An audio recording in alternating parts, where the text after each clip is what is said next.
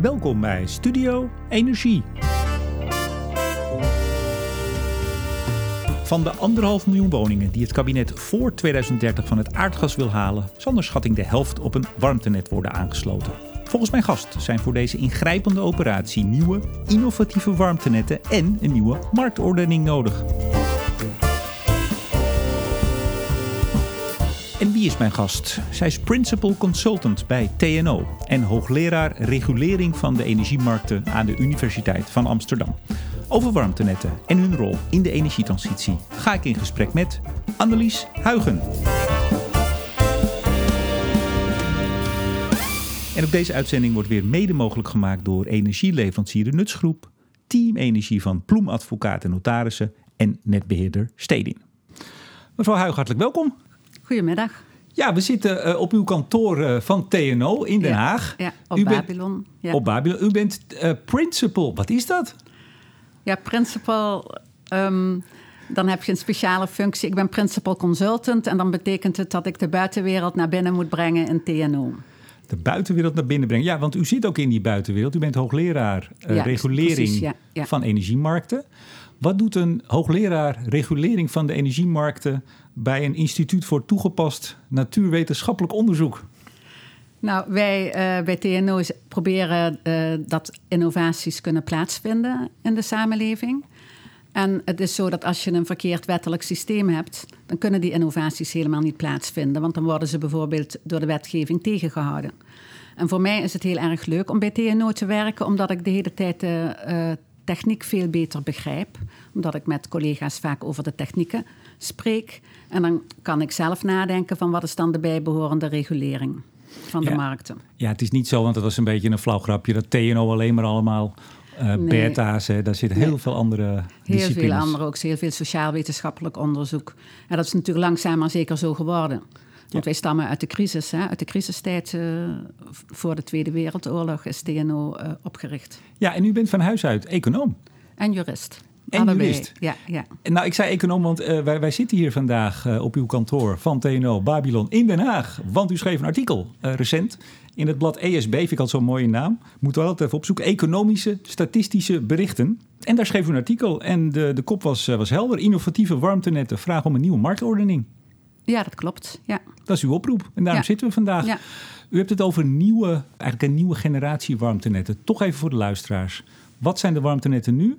En wat zijn dan die nieuwe innovatieve netten die u voor u ziet? Op dit moment hebben we vooral hoge temperatuur warmtenetten. En die brengen warmte van een hoge temperatuur, bijvoorbeeld van een afvalverbrandingsinstallatie of restwarmte uit eh, eh, fabrieken, brengen ze naar de woningen toe. En wat is hoog dan voor temperatuur? En Dat kan 100 graden zijn, kan ook 70 graden zijn. En dat kan in alle huizen ook al zo slecht geïsoleerd zijn, hè? dat is het Ja, voordeel. ja, dat is het voordeel. Ja, ja. En dat komt binnen en dat zijn eh, gesloten systemen. Daar kun je eigenlijk verder vrij weinig mee. En dan de nieuwe. Die nieuwe eh, warmtenetten zijn van een lage temperatuur, bijvoorbeeld 40 graden. Wat het hele grote voordeel daarvan is dat het open systemen zijn. Dus je kunt ook warmte uit het zwembad wat over is, of van een ijsbaan die over is, of warmte uit oppervlaktewater, of warmte die je zelf over hebt van zonnecollectoren. Die kun je eh, eh, daarmee daarin brengen en dan kun je die warmte verbinden eh, met elkaar. Dus je kunt ook aan elkaar leveren. Je zou zelfs zo kunnen hebben dat woningen aan elkaar warmte kunnen leveren. Eh, ze kunnen ook nog verbonden zijn met het elektriciteitsnet. En dan krijg je echt hele mooie systemen. Dat als jij bijvoorbeeld zonnepanelen op je woning hebt en je hebt dan eh, zonne-energie over, dan kun je dat bijvoorbeeld omzetten in warmte en dan kan die warmte opgeslagen worden. In Nederland hebben we dat nog niet. U, u zou ze graag hier zien, hè? want dat is ook eigenlijk uw oproep in uw artikel. Ja, omdat als je denkt aan een eh, duurzaam wonen, dan gaat er echt heel erg veel veranderen. Er zijn op dit moment heel veel innovaties. Dus laten we zeggen eh, isoleren. Dat is op dit moment nog heel vaak heel erg duur. Bij TNO verwachten we dat die kosten daarvan eh, zouden kunnen halveren. Dus dan, dan heb je... In, in hoeveel tijd? In zes jaar tijd zou dat al kunnen, als je echt goede programma's daarop zet. En dan niet voor alle woningen. Ik denk een 30er dat blijft voorlopig best wel moeilijk. Maar als je gewoon een nieuwbouw hebt, dan kun je dat, uh, door dat uh, in programma's aan te pakken, kun je die kosten, net zoals bij windenergie, heel erg omlaag brengen. De kosten van opslag gaan natuurlijk uh, omlaag. Zonnepanelen worden steeds efficiënter. We verwachten dat warmtepompen steeds goedkoper worden. Dus als je denkt aan het verduurzamen van woningen, zijn daar heel veel innovaties. En zou het zelfs zo kunnen zijn dat heel veel woningen op termijn energieproducerend worden. Maar als je een energieproducerende woning hebt, is het heel erg fijn als je aan zo'n modern warmnet zit. Want dan kun je je overschotten kun je er, uh, kun je gewoon leveren aan je buren. Of je kunt het samen opslaan. En dan zei ik al in de intro, uh, de opgave is eigenlijk zoals in het klimaatakkoord of het ontwerpklimaatakkoord vastgelegd, uh, anderhalf miljoen woningen van het gas af in 2030. De helft ongeveer 750.000 aan een warmtenet. Daar lijkt dat de beste oplossing voor. Dus niet, als ik u zo goed hoor en lees, uh, met de huidige warmtenetten. Nee, dus niet met de huidige warmtenetten. Vind, vindt u eigenlijk helemaal niks, hè? Zeg ik het al goed? Mm, nou, die huidige warmtenetten zijn niet zo verschrikkelijk duurzaam. He, ze brengen die restwarmte van één bron naar die woningen. En het is toch de vraag, als je de samenleving echt gaat verduurzamen, of die restwarmte er dan nog altijd zo zal zijn. Mhm. Het zijn gesloten netten, dus je kunt er maar van een paar bronnen kun je naar de woningen toe brengen. De aanbieders dus, zijn monopolist? Die zijn daardoor ook monopolist. En dat, dat je denkt van ja, dat die, uh, die warmtenetten zijn gewoon van de jaren 60 van de vorige eeuw. Daar paste dat heel goed bij. Maar we komen nu in zo'n innovatieve tijd, in zo'n andere samenleving terecht voor de woningen, dat ze daar niet meer bij passen. En u hebt het ook over een top-down benadering zoals die ja, tot nu toe met warmte plaatsvond. En als ik u goed lees, maar corrigeer me als het niet zo is, ziet u dat ook zich continueren als het niet echt uh, het steven wordt gewend, als ik het zo maar zag zeggen? Nou ja, je ziet, eh, het probleem is steeds dat wij onszelf in zulke enorme haastsituaties zetten. Dus we willen uh, heel graag heel snel al die woningen van het aardgas af hebben. En nu zeggen we tegen de gemeente: gemeente, jullie moeten een warmteplan maken. Gaan jullie eens vertellen welke wijken van het aardgas afgaan? En ga ook vertellen wat de alternatieve voorziening wordt. Maar is dat goed of slecht? Ik vind het wel goed om plannen te maken. Maar wat je nou ziet wat gemeenten doen, dan komen ze met Excel-sheets. Want dat kun je eigenlijk weinig anders doen. En dan gaan ze zeggen van ja, maar dit zijn de laagste maatschappelijke kosten. Dan komt hier een warmtenet. En uh, die voorwaarden van die Excel-sheet, wat de input daarvoor is, dat bepaalt wat de kosten zijn. dus je gaat bijvoorbeeld niet mee met consumentenvoorkeuren. je zegt bijvoorbeeld isolatie kost zoveel. Maar isolatie is ook heel erg fijn voor mensen. Dat zit er niet in. dus het is heel erg uh, massaal voor iedereen hetzelfde. We rekenen even die kosten uit. We doen aannames over die elektriciteitsprijzen over tien jaar die we helemaal niet kennen. Nou, en dan komt er gewoon uh, uh, bijvoorbeeld een warmtenet uit. En dat is gewoon een top-down manier. Ja, en dat moet dus niet zo. Nee, dat moet niet zo.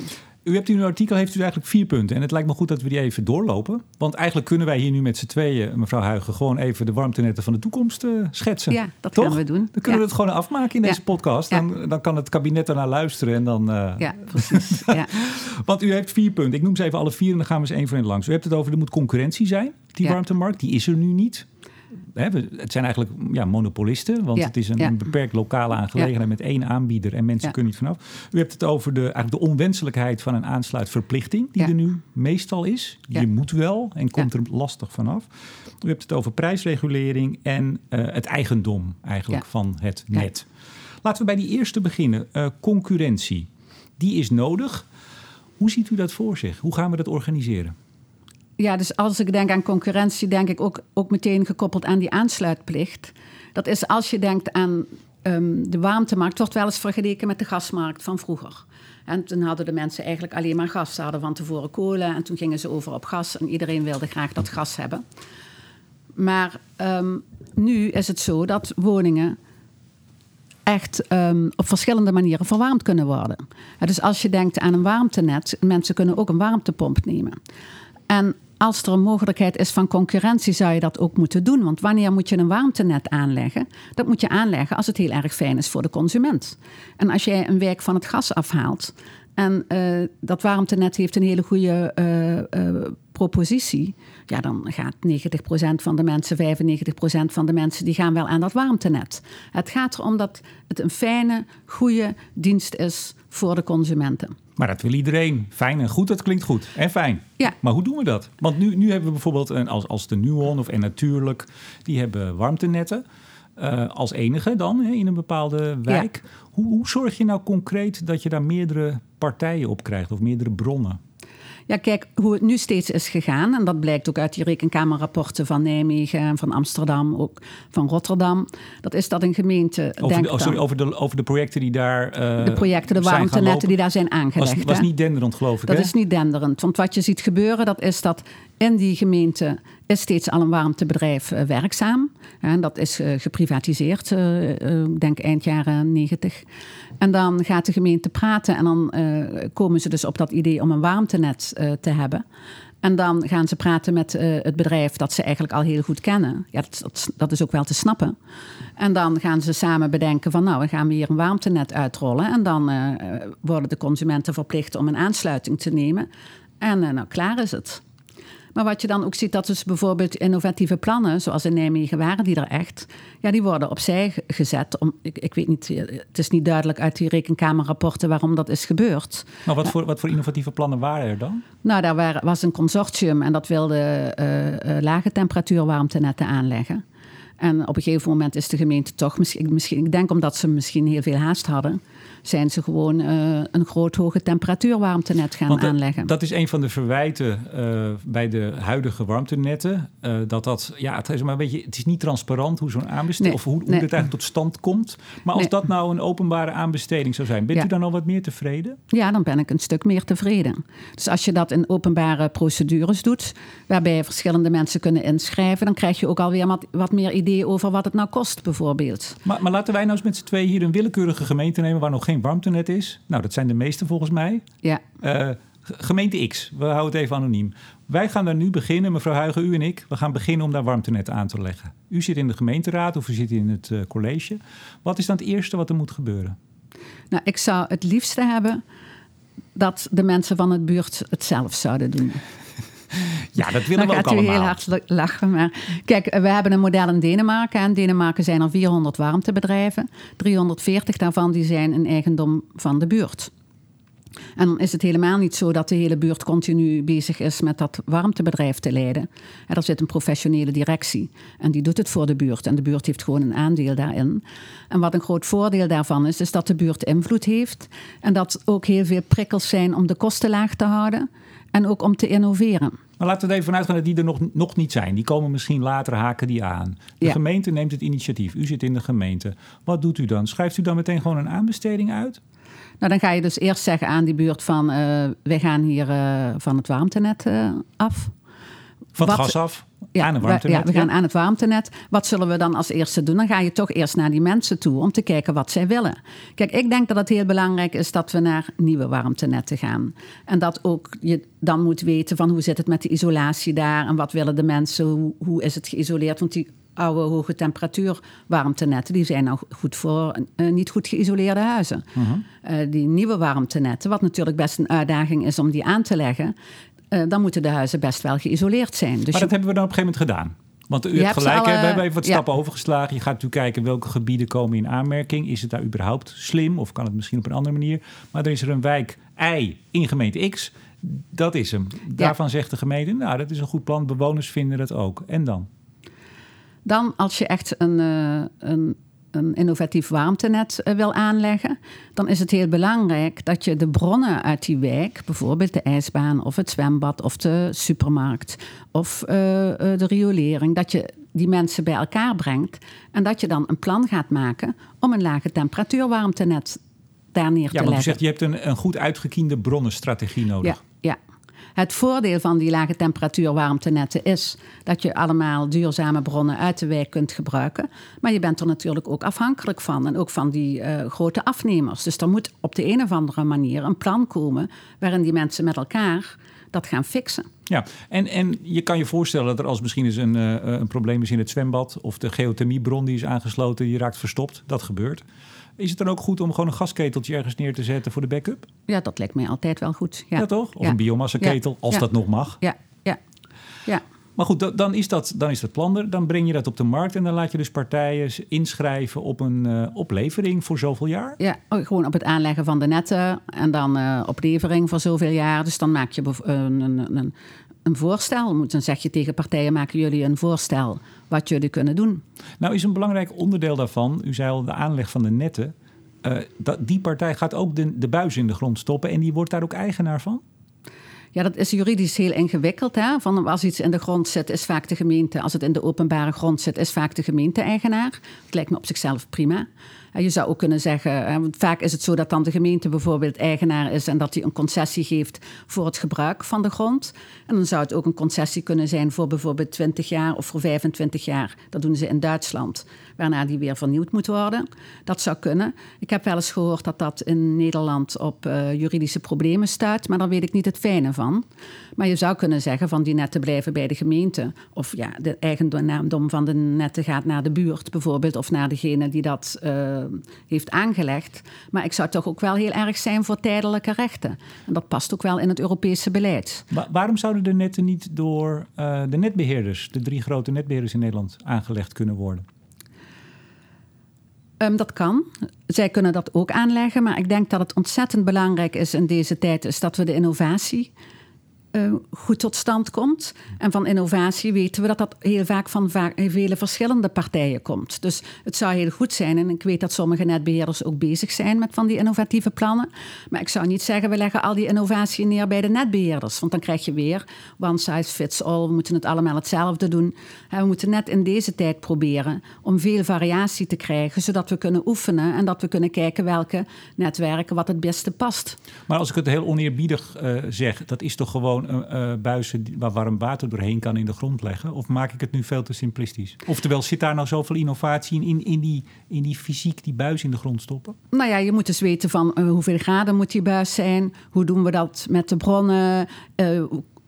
De eigendom van de bronnen, zit die bij degene ook die eh, met die buizen zitten? Of zijn dat weer andere eigenaren? Hoe wordt dat gecoördineerd? Dat zijn allemaal vragen die zich voordoen. En is het ook mogelijk dat je inderdaad het hele pakket aan een partij, eh, dat je partij laat bieden op zowel de aanleg van het systeem als de exploitatie daarvan voor zoveel jaar, maar dat je dan vervolgens zegt, dan vallen die buizen uiteindelijk aan de gemeente of die kopen we of die nemen wij in beheer? Ja, dat zou ook kunnen. Ja, ja, ja natuurlijk kan dat. Want ja. wat doe je anders na 25 jaar als misschien hun prijzen te hoog zijn geworden of hun Ja. service heel slecht is? Dan wil je misschien van ze af en dan wil je een andere partij erop. Ja, je ziet dat in Duitsland. Dat vind ik echt wel heel interessant. In Duitsland zijn al die warmtenetten 25 jaar geleden of 20 jaar geleden allemaal eh, eh, uitbesteed aan, aan commerciële partijen. En daar is nu een trend van wij willen dat weer terugnemen. Dus de gemeenten die nemen ze weer terug aan het einde van de concessie. En ze gaan het nu zelf doen, omdat ze het idee hebben dat dat beter is voor het milieu en beter is voor de gemeenschap. Dus dat is daar een hele beweging. Ehm, en dat is mogelijk omdat je hebt gezegd van ja, na 25 jaar nemen we dat weer terug. Maar een concessie geven voor 25 jaar heeft ook altijd wel problemen. Want in het begin gaan mensen investeren daarin. En op het einde denken ze, ja, over vijf jaar dan moet ik misschien toch weg. Ik heb daar geen zin meer in. Ja, dus dan moet je weer heel goed kunnen afspreken hoe je op het einde van de concessie ehm, dat weer teruggeeft, eigenlijk, die netten. Ja. Ja, want je moet er natuurlijk wel aan blijven innoveren. Ja. Want anders heeft het geen zin. Wij zagen elkaar recent bij een, eh, een, een lezing waar onder andere een eh, CEO van een van die Deense netten was, die u net noemde. Ja. Er zijn er ja. 400. Eh, Zij had het vooral toen ik, eh, ik mocht dat leiden, dat, de, Ja, die, dat avond. leuk, Ik ja. vroeg haar, wat is nou het allerbelangrijkste wat u Nederland wil meegeven? En toen zei zij transparantie. Ja. U, hebt, u hebt veel kennis ook van die, die Deense netten. Ehm, hoe, hoe is dat daar geregeld, die transparantie? Nou, bij transparantie ehm, is heel erg belangrijk. Transparantie begint daarmee dat mensen de kosten op een bepaalde manier noteren in hun jaarrekeningen, zodat ook derden kunnen zien wat de kosten zijn van eh, netwerken. En bij ons is dat niet zo, want wij hebben eh, niet meer dan anders systeem. Eh, niet meer dan anders, dus de ja, tarieven... mensen betalen voor warmte niet Precies. meer dan als het aardgas zou zijn. Maar Ja. als de aardgasprijs stijgt, dan stijgt ook het warmteprijs ja, mee. ja, wat best wel vreemd is. En dan zegt u het netjes. Want ik weet wat u daarvan vindt. Dat vindt u eigenlijk heel gek, hè? Ik vind het heel gek. Dat wat er nu is gebeurd, is dat we eh, heel veel meer belasting op gas heffen om te zorgen dat mensen van het gas afgaan. En dat dan die warmteprijzen mee mogen stijgen, terwijl die kosten van de warmte niet zijn meegestegen. Maar wat ik niet zo goed snap aan het niet meer dan anders, het woord zegt het al, dat hoeft toch niet te betekenen moet evenveel zijn als? Nee, het kan toch ook minder zijn dan, of kan dat niet? Dus de prijs van warmte lager dan die van aardgas, hij moet meestijgen. Nou, hij mag meestijgen. En dat doet hij dus ook? Ja, maar als, jij, als ik in de schoenen sta van een commercieel bedrijf, dan zou ik toch ook, eh, als je hogere prijzen mag vragen, waarom ga je dat dan niet doen? En je ziet wel in Nederland dat die grote warmtebedrijven, die hebben prijzen die zijn niet uh, op het maximum. Hè. Die zijn echt wel minder dan, dan wat ze mogen doen van de ACM. Dus het is wel wat minder. Maar we hebben hiermee een referentie ingevoerd. Ja, waar die prijzen toch natuurlijk naartoe kruipen. Want het is nog geen vetpot hè, voor die, uh, die warmtebedrijven. Ze worden er niet gierend rijk van. Het is, het is volstrekt intransparant. Dat weten we niet. Maar er was een, er was een um, uh, ik geloof dat Ecoris dat gedaan heeft voor de ACM 2016. Hebben ze gekeken naar uh, vergelijking. Ik geloof dat ze gemiddeld op de 5,1% rendement op geïnvesteerd vermogen zaten. Waar dat, geloof ik, 5,5 tot 6 zoveel zou moeten zijn om een redelijk rendement te maken. Vertrouwt u die cijfers niet? Nou, in reguleringsboeken die ik heb moeten bestuderen, is altijd les 1 als je rendementen wil zien van gereguleerde ondernemingen, dan moet je boekhoudregels hebben hoe ze moeten afschrijven, hoe ze die kosten moeten boeken. Want er is altijd een heel groot uh, prikkel voor gereguleerde ondernemingen om veel meer kosten bij die uh, gereguleerde tak te zetten en dat niet te doen bij de tak en, die vrij is. die regels zijn er nu niet en dus Nee, die regels zijn er niet. Dus het, het kan best waar zijn, ik, ik weet het niet. Maar dan komen we weer op transparantie wij hebben een hele intransparante sector. Dus wij weten niet of dat waar is of niet. En je kunt het niet uit zo'n rendementstoets Is het een beetje wantrouwend? Of, of is dit gewoon zoals je hoort te zijn, ook als hoogleraar uh, regulering energiemarkten? Ja, ik denk dat regulering is natuurlijk toch gebaseerd op een soort wantrouwen. Of in die zin van, wij hebben gezegd commerciële partijen die mogen hier op de markt komen. We verwachten van commerciële partijen dat ze rendement willen maken. Natuurlijk, dat, dat, dat, dat dat is wat zij moeten doen. Nou, in Denemarken mogen ze dus geen winst maken. Nee, en zijn het publieke partijen. Maar echt publiek van de gemeente zelf. En ze mogen geen winst maken. Van mij mogen ze best winst maken. Daar heb ik geen problemen mee. U zegt nu, we, we weten het gewoon niet. We weten het niet. Daar heb ik problemen mee. Ik vind dat, dat er winst gemaakt wordt, dat mag voor mij. Dat vind ik prima. Maar uh, het is een gereguleerde sector waar heel erg veel subsidie in gaat. Dus ik vind dan ook dat die kosten uh, bekend moeten zijn en dat die rendementen dan ook echt bekend moeten zijn. En u zegt dan ook volgens mij in uw artikel dat uh, de consequentie daarvan is dat ook prijzen zullen gaan verschillen als je op een gegeven moment naar kostprijs, hè, want dat is dan wat onder meer in ja. Denemarken gebeurt. Je, als het duurder, als de, de, de kosten hoger zijn voor een bepaald net, dan zijn ook de tarieven hoger. Ja. U zegt ja, dat, dat, dat is dan het gevolg, dat we verschillende prijzen gaan krijgen in Nederland. Ja, kijk, wat ik heel moeilijk vind van een aansluitverplichting. Hè, van je bent een bedrijf en de consumenten hebben een aansluitverplichting. Dus je hoeft daarna helemaal niet meer te innoveren. Je hoeft niet te zorgen dat die tarieven lager worden, want alles is geregeld. Dus, um... Maar die aansluitverplichting is er toch om te zorgen dat ze uh, ja, dat ze hun geld terug kunnen verdienen. Want als ineens, ik zeg maar wat de helft van de buurt zegt, nou we gaan eraf, ja, dan komen ze nooit meer uit de kosten, zo'n netwerk. Nee, maar je moet natuurlijk wel, als je een warmtenet hebt, moet het een hele aantrekkelijke aanbod zijn voor de mensen. En je ziet ook in Denemarken dat de hele tijd wordt geïnnoveerd en wordt het aantrekkelijker gemaakt om te zorgen dat mensen niet naar iets anders gaan. Dat, dat is toch normaal voor commerciële bedrijven dat je je diensten steeds verbetert, zodat mensen eraan blijven. Nou, hier, hier dus nog niet in de warmtemarkt? Nee, omdat het niet uh, de prikkel is. Maar dan even over die tarieven in Denemarken. Dus wat je daar ziet, is dat je dan zegt van we gaan de tarieven op basis doen van de kosten. En dan zorgen we wel dat ze de kosten noteren uh, zoals we dat willen. Dus met het boekhoudregels, zodat het transparant is.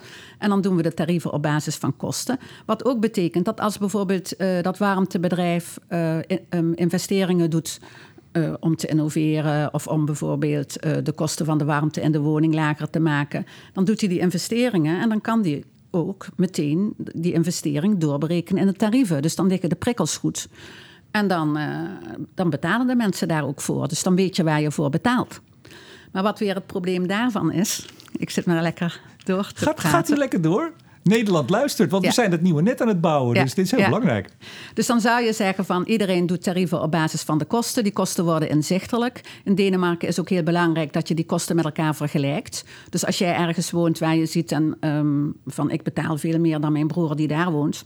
Dan kun je naar dat bedrijf gaan en zeggen ja het is hier veel duurder. Uh, leg dat even uit. En dan kunnen ze zeggen, ja, maar wij hebben duurdere bronnen of wij hebben dit en dit en dat. En als ze het niet kunnen uitleggen, kun je zelfs daar de directie uh, wegsturen als je uh, bij zo'n coöperatie zit. Ja, dan komt er een nieuwe directie, maar dat doet dan misschien nog niks aan de prijs. Ja, maar ja, je weet, dan hebben ze wel een zwaard van Damocles boven hunzelf hangen. Ja, ja, je moet het natuurlijk goed en efficiënt proberen te doen. En er zijn daar ook warmtebedrijven waar dingen mis zijn gegaan en de mensen veel betalen. Ja, want we hebben natuurlijk wel vaak een soort Hosanna-beeld over Scandinavië, maar daar zullen ook mensen ontevreden zijn. Zoals zijn ook ja, nou, er wordt heel veel uh, enquêtes daar gedaan van hoe tevreden de mensen zijn. En ze zijn bijna altijd heel tevreden. En ze kunnen zonder kosten weg. Dus ze gaan ook bijna nooit weg als ze dat doen. Maar je ziet aan de statistieken dat sommige bedrijven heel erg duur zijn. En ik hoorde dat dat bedrijven zijn die verkeerde investeringen gedaan hebben. Maar pas dit jaar uh, in Denemarken is die aansluitplicht die daar ook was, is nu geschrapt. Ja, die is nu geschrapt. Dus ze hebben vanaf de jaren 70, toen ze er flink mee aan de slag gingen, tot nu hadden ze daar ook zo'n verplichting. Jawel, maar hij was in de wet en hij werd eigenlijk bijna niet meer gebruikt. Dus hij stond wel in de wet en je mocht het doen, maar heel veel bedrijven deden dat niet meer. Maar nou was onlangs uh, Nieuwsuur, die besteedde ook weer aandacht aan, uh, ik zou maar zeggen, de zaak Nijmegen. Hè? Ja. Da, da, dat is natuurlijk inmiddels een bekende zaak in, uh, in warmteland. Waarbij mensen reclameerden, de rekenkamer is een onderzoek gaan doen. En die was vrij vernietigend over vooral de besluitvorming ja. rondom de aanleg in Nijmegen-Noord. Maar daar zei, ik dacht dat het ook Nuon was die daar warmte leverde. Die zei van ja, nee, of de gemeente zei dat. Er stond gewoon 50.000 euro als een boeteclausule. Nou, die, die, die is vervallen. Je, je kan eraf. Um, maar ja, nogmaals, wat ik u net al zei. Als nou een, een flink deel van een wijk zegt, nou, we, gaan eraf. Dan, dan kan zo'n uh, private partij die daar die buis in de grond heeft gestopt... met het idee, nou, ik lever aan die hele wijk de komende 20, 30 jaar warmte. Ja, die komt dan misschien wel niet meer uit de kosten. Um, Even twee dingen. Dus volgens mij de grote Nederlandse warmtebedrijven... die hebben nu al dat ze niet meer eh, mensen laten betalen... als ze van, het gas, van eh, de warmte afgaan. Mhm. En ik denk dat het voor ieder bedrijf heel belangrijk is... om prikkels te hebben dat de mensen blijven. Want wanneer gaan de mensen weg als ze ontevreden zijn? je moet een prikkel hebben dat mensen uh, graag van je diensten gebruik maken. En als de mensen dat niet meer willen omdat ze bijvoorbeeld de warmtepompen heel goedkoop zijn geworden, hè, want je eh, loopt bepaalde risico's. Dan zullen we daar andere dingen voor moeten bedenken. Maar het is toch een beetje gek, vind ik, om een ondernemersrisico... om dat gewoon neer te leggen bij de consumenten... die dat verder niet kunnen beïnvloeden. Ja, dat is het gevolg van die verplichting. Hè, ja, als je dan zegt van iedereen... want dan we kunnen het alleen maar afbetalen... als iedereen de komende 50 jaar bent, uh, is aangesloten... dan is het misschien ook helemaal geen goede optie om dat warmtenet aan te leggen, denk ik dan. Ja, en u haalde ook in uw artikel uh, het Duitse Bundeskartelamt aan, 2012, hè, uit onderzoek. Dat blijkt dat ook dat op het moment dat er uh, geen keuze is, de prijzen ook hoger zijn. Ja, dan zijn de prijzen hoger. Ja, ja dat, dat is logisch, vind ik. Ja, ja. ja. dan, dan reken je wat meer. Dan kan dan dat. reken je wat meer, dat kan gewoon. En uit het onderzoek bleek ook dat verplichting ook gewoon niet nodig is. Hè? Want dat is ook eigenlijk wat u zegt. Ik, ik schets het een beetje overdreven, dat een derde of de helft van de wijk opstapt. Maar dat gebeurt dus niet in de praktijk. Nee, dus bijvoorbeeld Zweden heeft geen verplichting, in Finland is geen verplichting. Er zijn heel veel landen waar die verplichting niet is. En toch zijn die warmtenetten daar. En nou denk ik eerlijk gezegd zelf ook wel van die risico's worden groter, omdat all electric misschien steeds goedkoper wordt en isolatie steeds goedkoper wordt. Maar ja, dat is all in the game. En soms denk ik van ja, maar warmte is niet een doel op zich. De huizen moeten verduurzamen en er worden risico's gelopen, ja. En dan die, die eigendom, of het eigendom moet ik zeggen, we hadden het er net natuurlijk al even over. Ehm, ja, het liefst ziet u dat in burgerhanden? Nou kijk, als jij met een burgercoöperatie en je uh, hebt samen een warmtenet, dan denk ik ook dat er gewoon veel meer mensen aangesloten zullen blijven vanzelf dan wanneer dat niet zo is. En als je zegt van in handen, je hebt natuurlijk de financieringsvraag van wie heeft het betaald? Wie heeft die lening afgesloten? tegen welke voorwaarden? En dan heb je ook nog die eigendom van de netten. Ja, het zou ook kunnen zijn dat ze in publieke grond liggen en dat ze dan van de gemeente blijven en dat de, gemeente, dat de burgers dat exploiteren. Dat zou ook kunnen. Heb je precies die eigendom is, heeft, weet ik niet of dat nou heel belangrijk is. De plannen zoals die er nu staan in het ontwerp klimaatakkoord, uh, daar begonnen we het gesprek ook mee, die uh, eh, 750.000 woningen.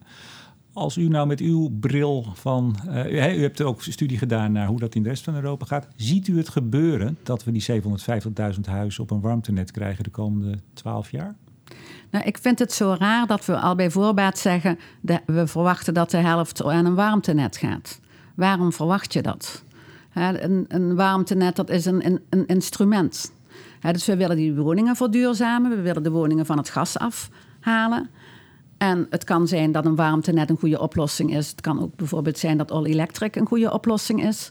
En ik denk dat het ontzettend belangrijk is dat we gewoon voorzichtig te werk gaan en de hele tijd heel goed kijken van welke oplossing moeten we hier nemen die de mensen graag willen. Maar ik, ik, ik geloof, uh, er zijn verschillende studies gedaan, ook door CE Delft, hè, om te kijken van nou ongeveer om een beetje gevoel te krijgen, ook in die gesprekken voor het klimaatakkoord, waar hebben we het ongeveer over? Ik geloof dat daar die helft vandaan komt. Het zal misschien best iets meer of, of minder kunnen zijn. Of denkt u dat er überhaupt niet een heel substantieel deel aan een warmtenet zou moeten? Nou, ik denk zelf dat lage temperatuur warmtenetten, waarbij warmte uit heel erg veel bronnen opgenomen kan worden, dat dat uitstekend past bij duurzame, goed geïsoleerde huizen die we willen.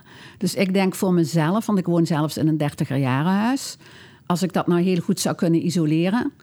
En uh, dan kan ik op den duur misschien ook zonnecollectoren hebben. En dan kunnen we een geïntegreerd gas- en warmtenet hebben in de buurt. Dan zou ik daar heel erg graag aan willen. Maar ik zou denk ik voor mezelf een hoge temperatuur warmtenet, omdat ik een 30er jaren huis heb, dat, dat voelt voor mij niet heel prettig. Een, 30 jaar huis is een eengezinswoning, grondgebonden. Ja, dus een eensgezins, ja, die moeilijk te isoleren zijn, want ik heb een eensteensmuur. Een oh balkon. en, uh, nou, ik heb al hele, ja, nou ja, dat heb ik allemaal al gedaan. Dus ik zit volgens mij zeker al op B. Ik heb al veel gedaan, vloerisolatie ja. en uh, HR++ glas en uh, de, de, de, zolder is geïsoleerd. Maar, maar zijn de warmtenetten toch niet vooral interessant voor uh, binnenstedelijk gestapelde woningen, waar het lastiger is om, om, om woningen bijvoorbeeld individueel met een warmtepomp aan de gang te krijgen? Ja, dat is uh, wat iedereen nou zegt en iedereen ook doet. ja. ja. Zegt u daarmee, dat zeggen ze, maar ik weet dat nog niet zo net? Ja, ik denk dat we nou dat we, ik vind het zo moeilijk dat wij de hele tijd, als we het over de energietransitie hebben, dan gaan we de hele tijd eh, denken, bijvoorbeeld nu van er moeten zoveel, uh, zoveel jaar huizen per jaar. Dan gaan we allemaal lineaire lijnen trekken. En ik denk, we zijn heel erg aan het begin van iets waar heel veel innovatie komt. En ik zou voor mezelf heel erg graag willen nadenken van wat doen we de komende vijf jaar. De komende vijf jaar moet er heel veel geld bij, denk ik. Hè? Dan kun je ook wijken van het gas afhalen. En laten we ons nou richten op innovatie en iedere keer kijken wat is hier de beste oplossing met de beste internationale technieken die we hebben. Ja, laten we gewoon eh, beginnen en leren. En niet en de hele die, tijd laat die getallen even los. Laat die getallen even los en laat ook um, al die streefwaardes even los. Het denk van hoe kunnen wij nou een hele goede manieren gaan bedenken om innovatief te zorgen dat het duurzaam wordt. En dan beginnen we de eerste vijf jaar en dan evalueren we wat we hebben gehad. Dan hebben we denk ik heel erg veel geleerd en dan gaan we de volgende vijf jaar. Maar als wij nou de hele tijd allemaal plaatjes maken tot 2050, die worden gemaakt om te kijken van deze wijk aan het warmtenet en deze wijk niet, dan vind ik dat zo verschrikkelijk moeilijk met de afschrijving van een warmtenet van 50 jaar, terwijl we in zo'n innovatieve sector zitten. Ja, maar, maar nu ben ik toch weer even eh, de politicus in gemeente X, waar u ook zit. En wij moeten iets doen. Dan zeg ik, ja, die mevrouw Huig heeft makkelijk praten. Onderzoekster, hoogleraar, prachtig. Ben het ook helemaal met haar eens, zeg ik dan. Ja. Maar we moeten nu toch wel iets. Want we kunnen niet alleen maar kijken hoe mooi en hoe prachtig al die innovaties komen. Op een gegeven moment moet er iemand het voortouw nemen. Wie moet wat u betreft uh, ja, het voortouw nemen? Nou ja, we hebben nu al best veel proefprojecten hè, waarbij de gemeente het voortouw neemt. En dat vind ik ook heel goed. Dus dan zegt de gemeente van deze wijken die gaan van het gas af in 2030 of over tien jaar. En laten we nu gaan kijken van hoe we dat kunnen oplossen. En dan ben ik heel erg blij dat die gemeenten het voortouw nemen. Aan de andere kant zie je ook dat er buurtcoöperaties zijn die dingen willen. En ik zie dat nog heel veel wet en regelgeving dat heel erg moeilijk voor hen maakt. Dus dat al die belemmeringen moeten uit de wet en regelgeving zodat ook buurtcoöperaties het kunnen doen. En ook gemeenten het kunnen doen. Dus we moeten gewoon beginnen. Ja, maar u zegt nogal wat. Dat moet allemaal uit de wet. Nou, we zitten hier niet zo heel ver van het Binnenhof vandaan. Dat is nog niet zo makkelijk. Ziet, u, ziet u het überhaupt gebeuren? Want u schetst een, een, een, eigenlijk een ideaalbeeld. He, eh, veel bronnen, concurrentie, innovatie, alles komt bij elkaar. Allerlei bronnen en één big happy family. Zoals ook in veel uh, Scandinavische landen.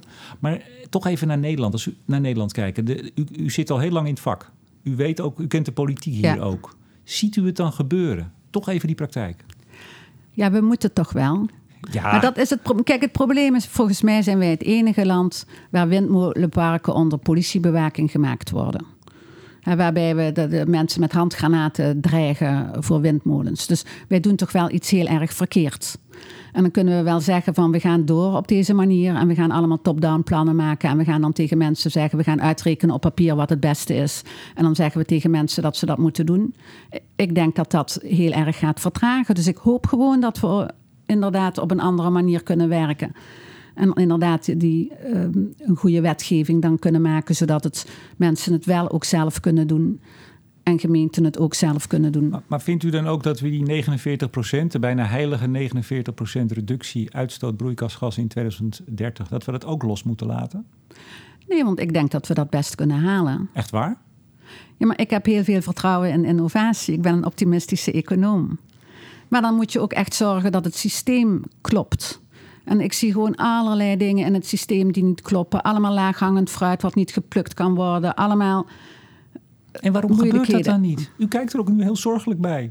Waarom, waarom gebeurt dat dan niet?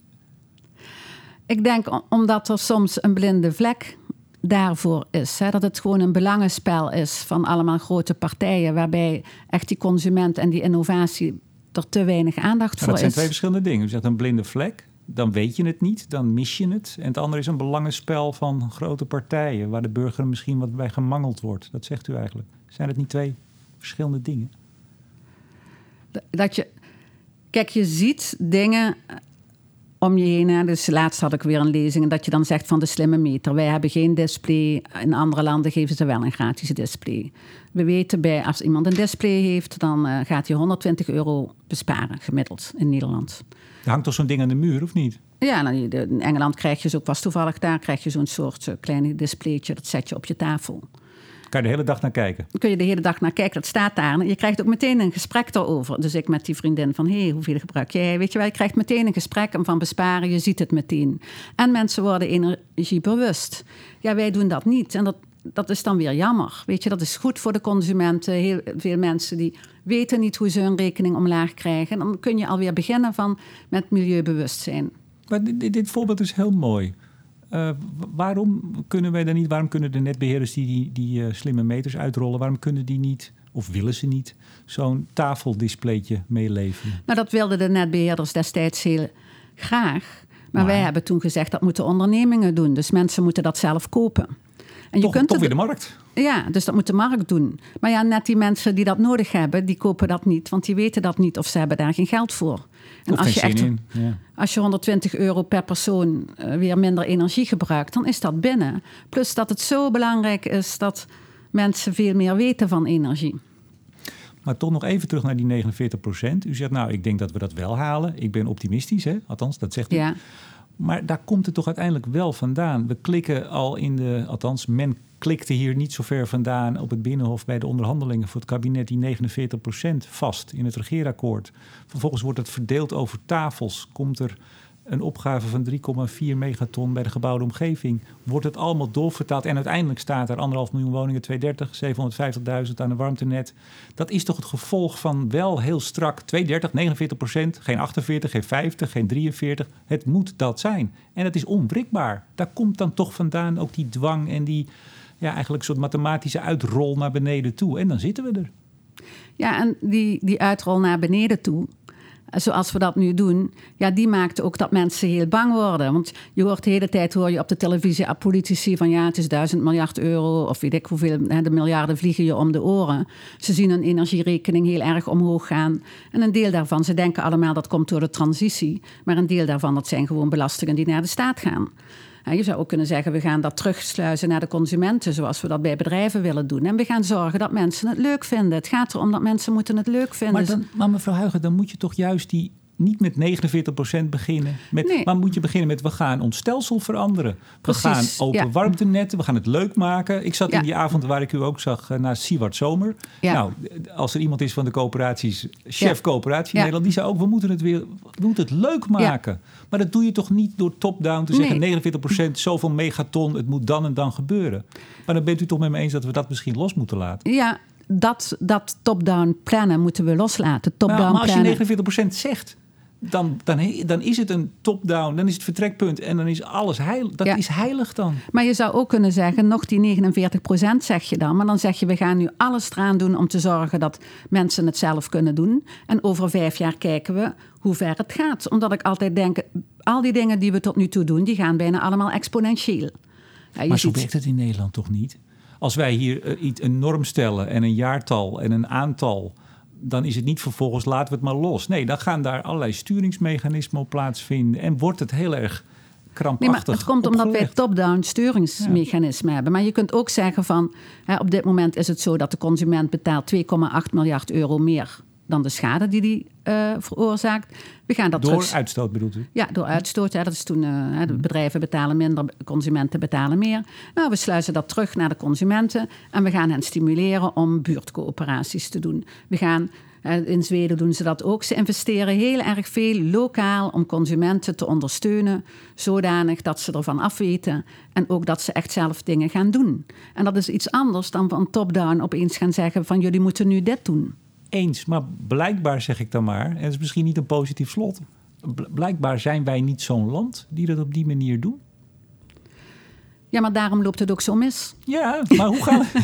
wij, wij, zou- wij zouden hier het helemaal veranderen met z'n tweeën in deze Ja, podcast. ja. Dus, dus hoe, hoe gaan we dat dan toch... Ja, het is een onmogelijke vraag, dat weet ik. Maar Ja. hoe gaan we dat dan toch... Blijkbaar zit het niet in onze aard of lukt het ons niet. Of, u hebt heel veel voorbeelden. Ik heb uw eh, artikelen gelezen. U geeft heel veel voorbeelden aan in het buitenland. Waarvan je eigenlijk zegt, nou, doen. Hè? Waarom, waarom doen we dit? En blijkbaar doen we dat dus niet. Nee, maar als we dat dus niet blijven niet doen, dan gaan we ook die cijfers niet halen. Nee, maar de vraag is, hoe doen we het wel? Ja, dat heb ik net proberen uit te leggen. Ik weet het. Ja, dus. Nou, en je hoopt gewoon toch dat het stukje bij beetje. Want je ziet bijvoorbeeld bij het isoleren van woningen, zie ik toch dat heel erg veel mensen dat al aan het doen zijn. En ik had nu laatst ook weer iemand die zei tegen mij: Ja, ik heb mijn huis te koop gezet, maar de mensen die kijken allemaal naar mijn energierekening en die is te hoog, dus ze willen het niet kopen. Ja, dat zijn natuurlijk allemaal mechanismen die enorm helpen. Het komt goed. Als we het willen en we gaan het goed doen, dan komt het goed. Ja. Annelies Huigen, principal bij TNO en hoogleraar regulering van de energiemarkten. Hartelijk dank voor dit gesprek. Ja. Ik bedank ook deze week weer energieleverancier De Nutsgroep, Team Energie van Ploem Advocaten en Notarissen en netbeheerder Stedin voor het mede mogelijk maken van deze uitzending. En uiteraard bedank ik jou, beste luisteraar, voor het luisteren. Mijn naam is Remco de Boer. Graag tot volgende week.